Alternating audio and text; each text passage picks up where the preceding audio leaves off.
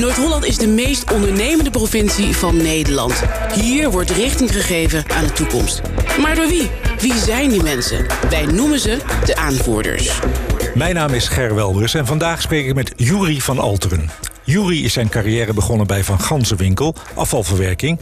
en daar ontdekte hij de mogelijkheden die verduurzaming biedt. Niet alleen vanwege de milieuaspecten, maar ook gewoon omdat er geld mee te besparen is. En nu is Jury directeur van het online platform Duurzaam Bedrijfsleven en adviseert en inspireert hij ondernemingen in hun proces naar verduurzaming.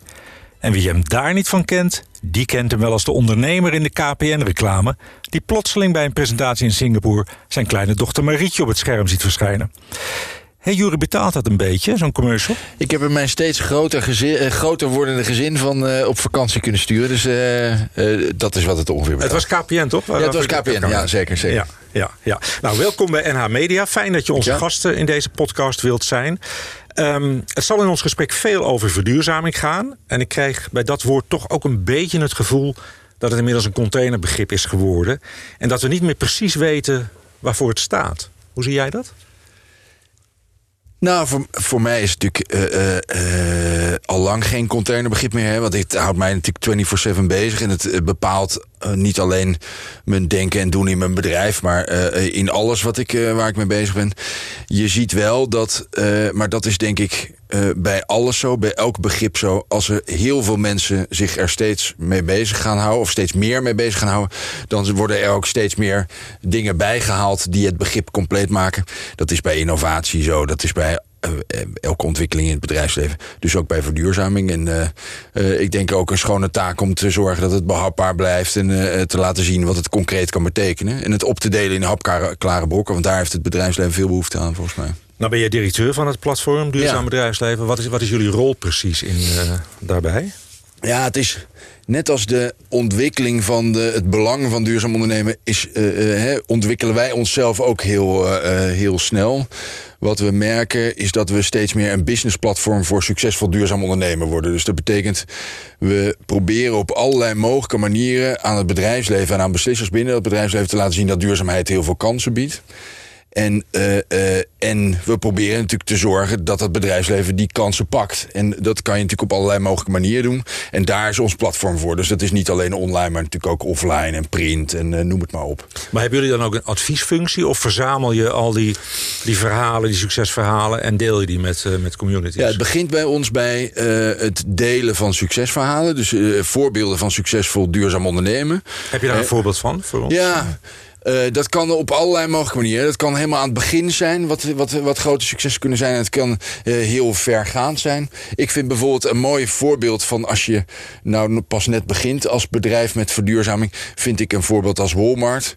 Walmart kwam erachter dat alle vrachtwagens en de chauffeurs die die vrachtwagens bereden bij het laden en lossen hun auto stationair hadden laten rijden. Toen kwamen ze erachter, goh, onder het mom van we willen verduurzamen, maar volgens mij ook vanuit kostenoverweging. Laten we nou zeggen dat ze die auto uitzetten, die vrachtauto uitzetten als ze laden en lossen. Dat scheelt ze een miljard dollar op jaarbasis, maar scheelt ze ook heel veel CO2. En is dus een hele grote duurzame slag die je kunt maken met nadrukkelijk kostenbesparing.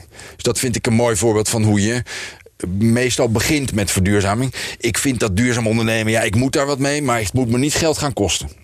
En dat is wat we natuurlijk zien. Je ziet dat er heel veel kostenbesparingen mogelijk zijn. En dan langzamerhand zie je dat, het, dat er allerlei bedrijven komen die het eh, zien als kansen. En dat ze nieuwe productmarktcombinaties, nieuwe, zichzelf opnieuw uitvinden, noem het maar op. En daarvan vind ik, denk ik, DSM een prachtig bedrijf. Eh, als je het hebt over DSM die, die van een hardcore chemisch bedrijf nu naar eh, eh, eh, een biochemisch bedrijf en hele alternatieve grondstoffen en brandstoffen en, en dat soort dingen ontwikkelt. Die hebben net eh, een tijdje geleden, is alweer wat langer geleden, een deal gesloten met Apple. Waarbij ze de leverancier zijn van de, ja, van de coating van de oplaadsnoeren voor, elektrische, eh, of voor de, voor de eh, iPhone en de iPad. En die is van hernieuwbaar materiaal gemaakt. Dat betekent dat ze een mega klant hebben behaald en een voet tussendoor binnen Apple. Eh, dat hadden ze natuurlijk twintig jaar geleden ook niet durven dromen. En Nee, dat dus, is andere grondstoffen, Ja. andere manieren van nadenken over schaarste, over alternatieve productieprocessen. en het helpen Apple in te zien dat ze op andere manieren hun eigen producten en hun eigen verduurzamingsslagen kunnen maken. Hoe wij is het zo. Interessant. Ja, zeker. Zie je dat in, in alle sectoren wel terug? Dat, dat er verrassende nieuwe samenwerkingen ontstaan tussen, tussen bedrijven en ondernemingen? Of verschilt dat per sector? Ja, het verschilt heel erg per sector. En ik denk ook wel dat het. Uh, ik, uh, het heeft ook wel een beetje te maken met, de, uh, met, het, met het traditionele karakter van een sector. Hè. Als men denkt. Uh, uh, als men het gevoel heeft, dit is heel kapitaalintensief in deze sector. Hier gaan veranderingen niet zo snel en het zal mijn tijd wel duren. Dan komt men uh, redelijk kou van kermissen thuis. En op het moment dat men het gevoel heeft dat men in een sector zit waar veranderingen steeds sneller gaan. En men mee moet of juist wel voorop moet lopen op die innovaties dan zal verduurzaming ook sneller het geval zijn. Ik vind een mooie ontwikkeling is natuurlijk als je kijkt naar uh, de automotive industrie. Die is toch heel traditioneel ook met de komst van Tesla nog eigenlijk heel traditioneel. Ja. En ik vind het mooi dat als je kijkt naar een partij die daar uitspringt, is bijvoorbeeld Toyota, hè, die van die de uh, hybride revolutie heeft uh, geïnitieerd en nu eigenlijk klaar staat om die waterstofrevolutie uh, aan te jagen. Dat zal enorme gevolgen krijgen.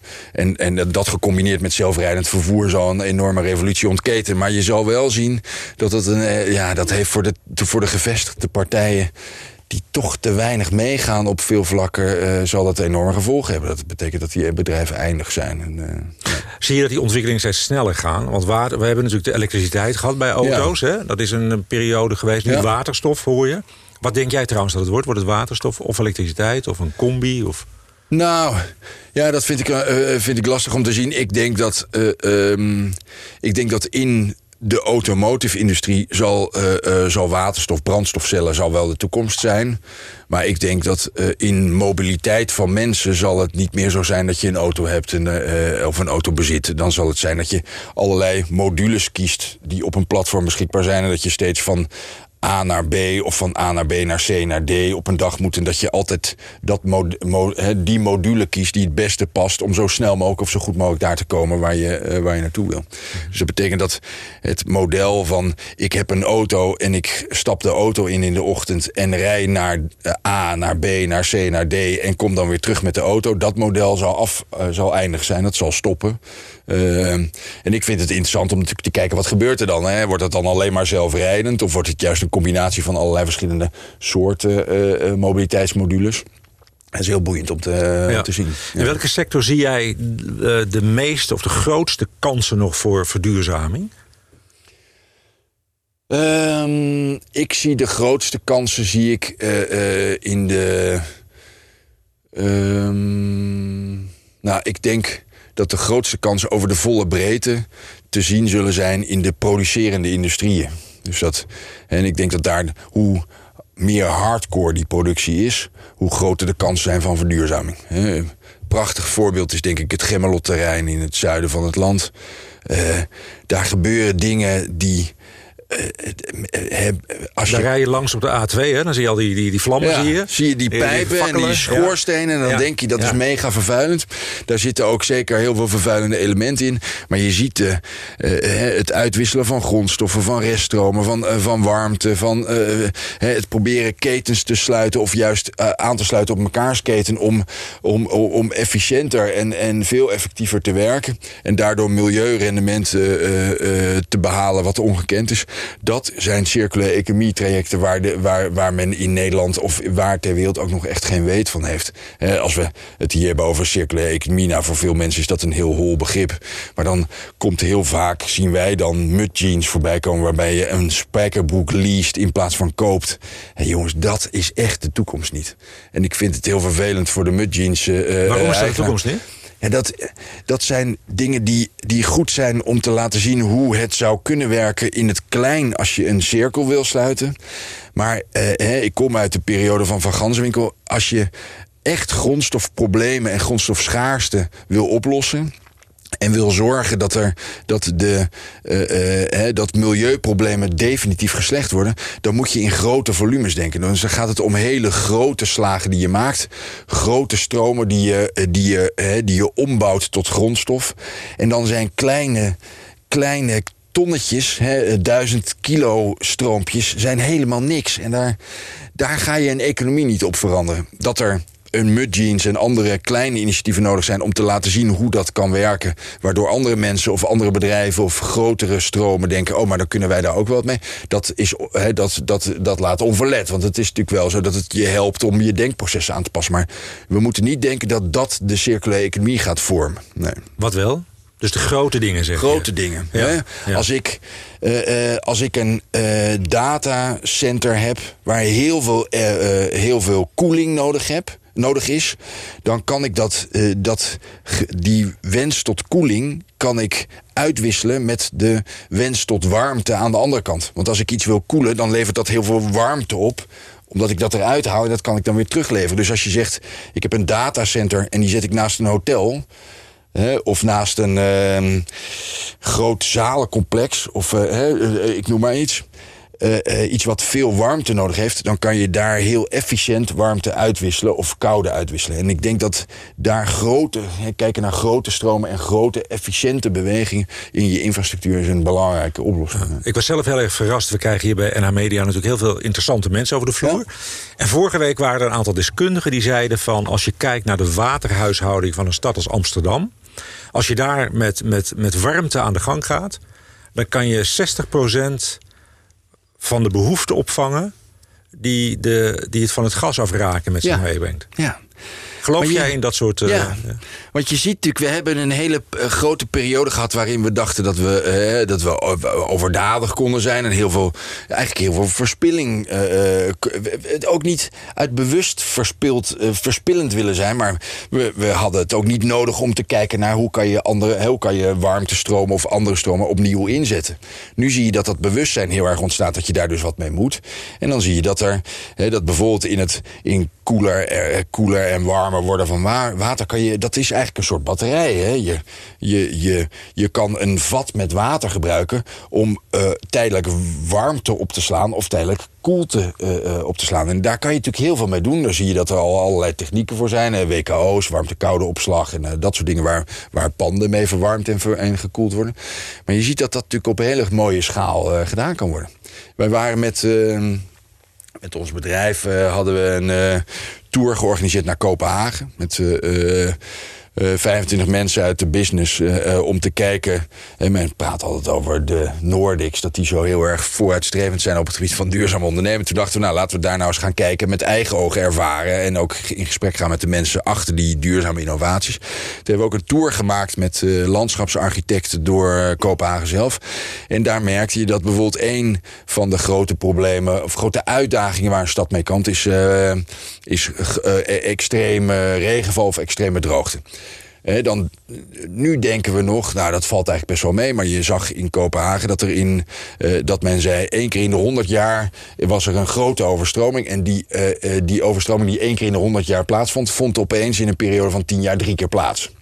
Dus toen dachten we, nou ja, uh, uh, climate change of wat, we moeten daar in ieder geval op, op gaan anticiperen. En daar hebben ze waterbuffering en waterhuishouding op, het zijn best infrastructurele aanpassingen, maar op eigenlijk hele simpele manieren opgelost. Waardoor je waterstromen creëert en, er, en een overstroming eigenlijk niet meer plaatsvindt, maar afwatering veel beter, veel beter gedaan wordt. En dat is toch door voornamelijk te zeggen, ik ga dat geasfalteerde, de asfalt-religie uh, uh, die er binnen, binnen, binnen een stad heerst. En het betegelen van, van zo'n hele stad, dat ga ik omdraaien. En ik ga proberen meer groen in de stad, meer groene straten, meer groene banen, zodat je die afwatering veel beter kan realiseren. Uh, uh, ga ik neerzetten. En dat, ja, dat zijn natuurlijk prachtige dingen. Want het is, he, dan heb je het over de kwaliteit van leven en niet over zwaarden van Damocles. We gaan allemaal ten onder, maar dan gaat het over: ik wil in die stad wonen, want hij is groener. En die, oh, oh, trouwens, ik krijg ook geen natte voeten meer. Ja, dan kan je heel bevlogen vertellen hè, over, ja. over alles wat duurzaamheid ja. en water en, en climate change met zich meebrengt. Um, wat doe jij zelf als, als, als mens daaraan? Wat zijn dingen die jou in je dagelijks leven, uh, die je nu doet op een andere manier dan voorheen? Ja. Nou, ik merk aan mezelf dat ik, uh, dat ik een periode had waarin ik ben. Ik ben een vrije jongen, zoals je weet. En dat betekent dat ik, als ik het gevoel heb dat ik iets moet dan uh, word ik misschien daar wat opstandig door. Dus ik denk dat ik wel een periode heb gehad waarin ik bij mezelf ook dacht, zeker in die periode waarin ik veel in contact kwam met mensen die alleen maar over het waarom en het wat praten, van hè, de aarde vergaat, de ijskappen smelten en dat soort dingen. Toen merkte ik aan mezelf dat ik daar opstandig van werd en eigenlijk misschien soms een beetje de kont in de kribben gooide. Nu merk ik aan mezelf dat ik mijn eigen wegen zoek vanuit wat, uh, hoe ik duurzaamheid kan vertalen naar mijn eigen privéleven.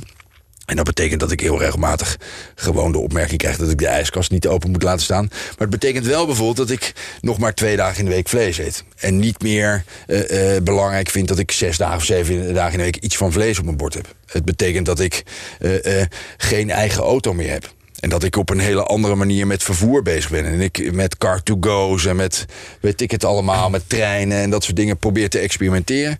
Het betekent dat ik, uh, uh, uh, dat ik, dat ik uh, uh, slimme, toch slimmere keus maken. Hè? Ik, ik koop geen. Ik ben sowieso geen, uh, geen winkel. Ik hou niet van winkelen. Ik hou ook niet van shoppen. Ik hou ook niet van kleding. Maar als ik een kledingstuk koop en een t-shirt koop, dan weet ik dat ik hem niet voor 3 euro moet kopen. Want het, het slaat ook nergens op. Daar kan hij helemaal niet voor geproduceerd worden. Zeker niet op een duurzame manier.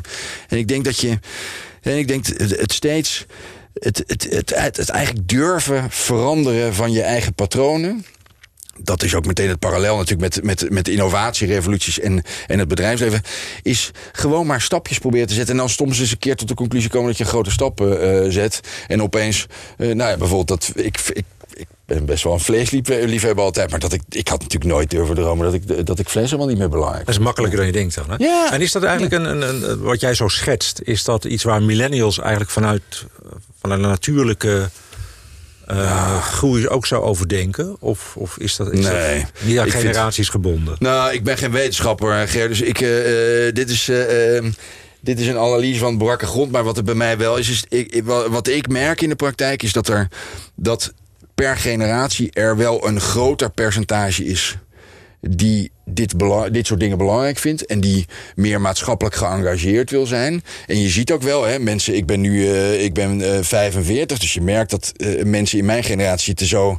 Ja, daar merk je ook aan dat als ze bij een bedrijf werken wat helemaal niets aan dit thema doet of dit helemaal niet belangrijk vindt, dan willen ze daar ook weg. Dus je merkt wel, de, maar dat is niet 80% van mijn generatie, dat is gewoon 1% van die generatie. En de rest denkt aan zijn hypotheek, aan zijn auto, aan zijn salaris en aan zijn bonus. Mhm. Daar moeten we ook eerlijk over zijn. En ik denk dat de millennials het belangrijker vinden om daar meer mee bezig te zijn. Maar we moeten ook niet overdrijven en zeggen dat dat dan 90% is. Terwijl mijn generatie daar met uh, maar 1% uh, van de generatie mee bezig is. Dus uh, ik denk, er is een hele grote groep die het belangrijk vindt. Die groep groeit ook. Maar we moeten die groep we moeten, ik vind het een verantwoordelijkheid om die groep steeds groter te maken door dezelfde taal te spreken. En niet te denken, wij zijn de happy few.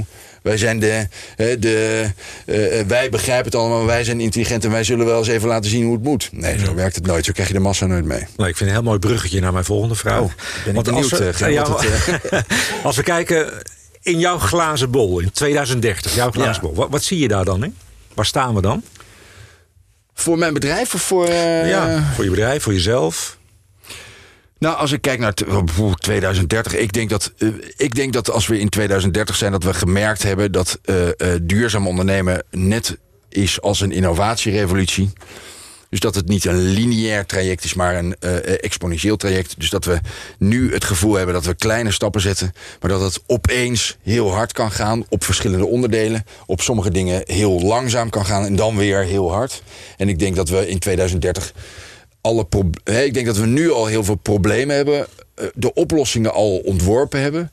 Alleen ik denk dat we in 2030 dat schaalbaar hebben gemaakt en massaal naar de markt hebben kunnen brengen. Je bent optimistisch. Ja, ja absoluut, ja. absoluut. En ik, uh, maar ik ben ook. Uh, ik, geloof in het, eh, ik geloof in het bedrijfsleven. Ik geloof in de innovatiekracht van, uh, van in ieder geval Nederland en, en, en heel veel landen daarbuiten. En, ik, en, en als je het ziet als een innovatierevolutie, dan zie je dat het bedrijfsleven daar vol op zal acteren en daar vol op aan de slag gaat.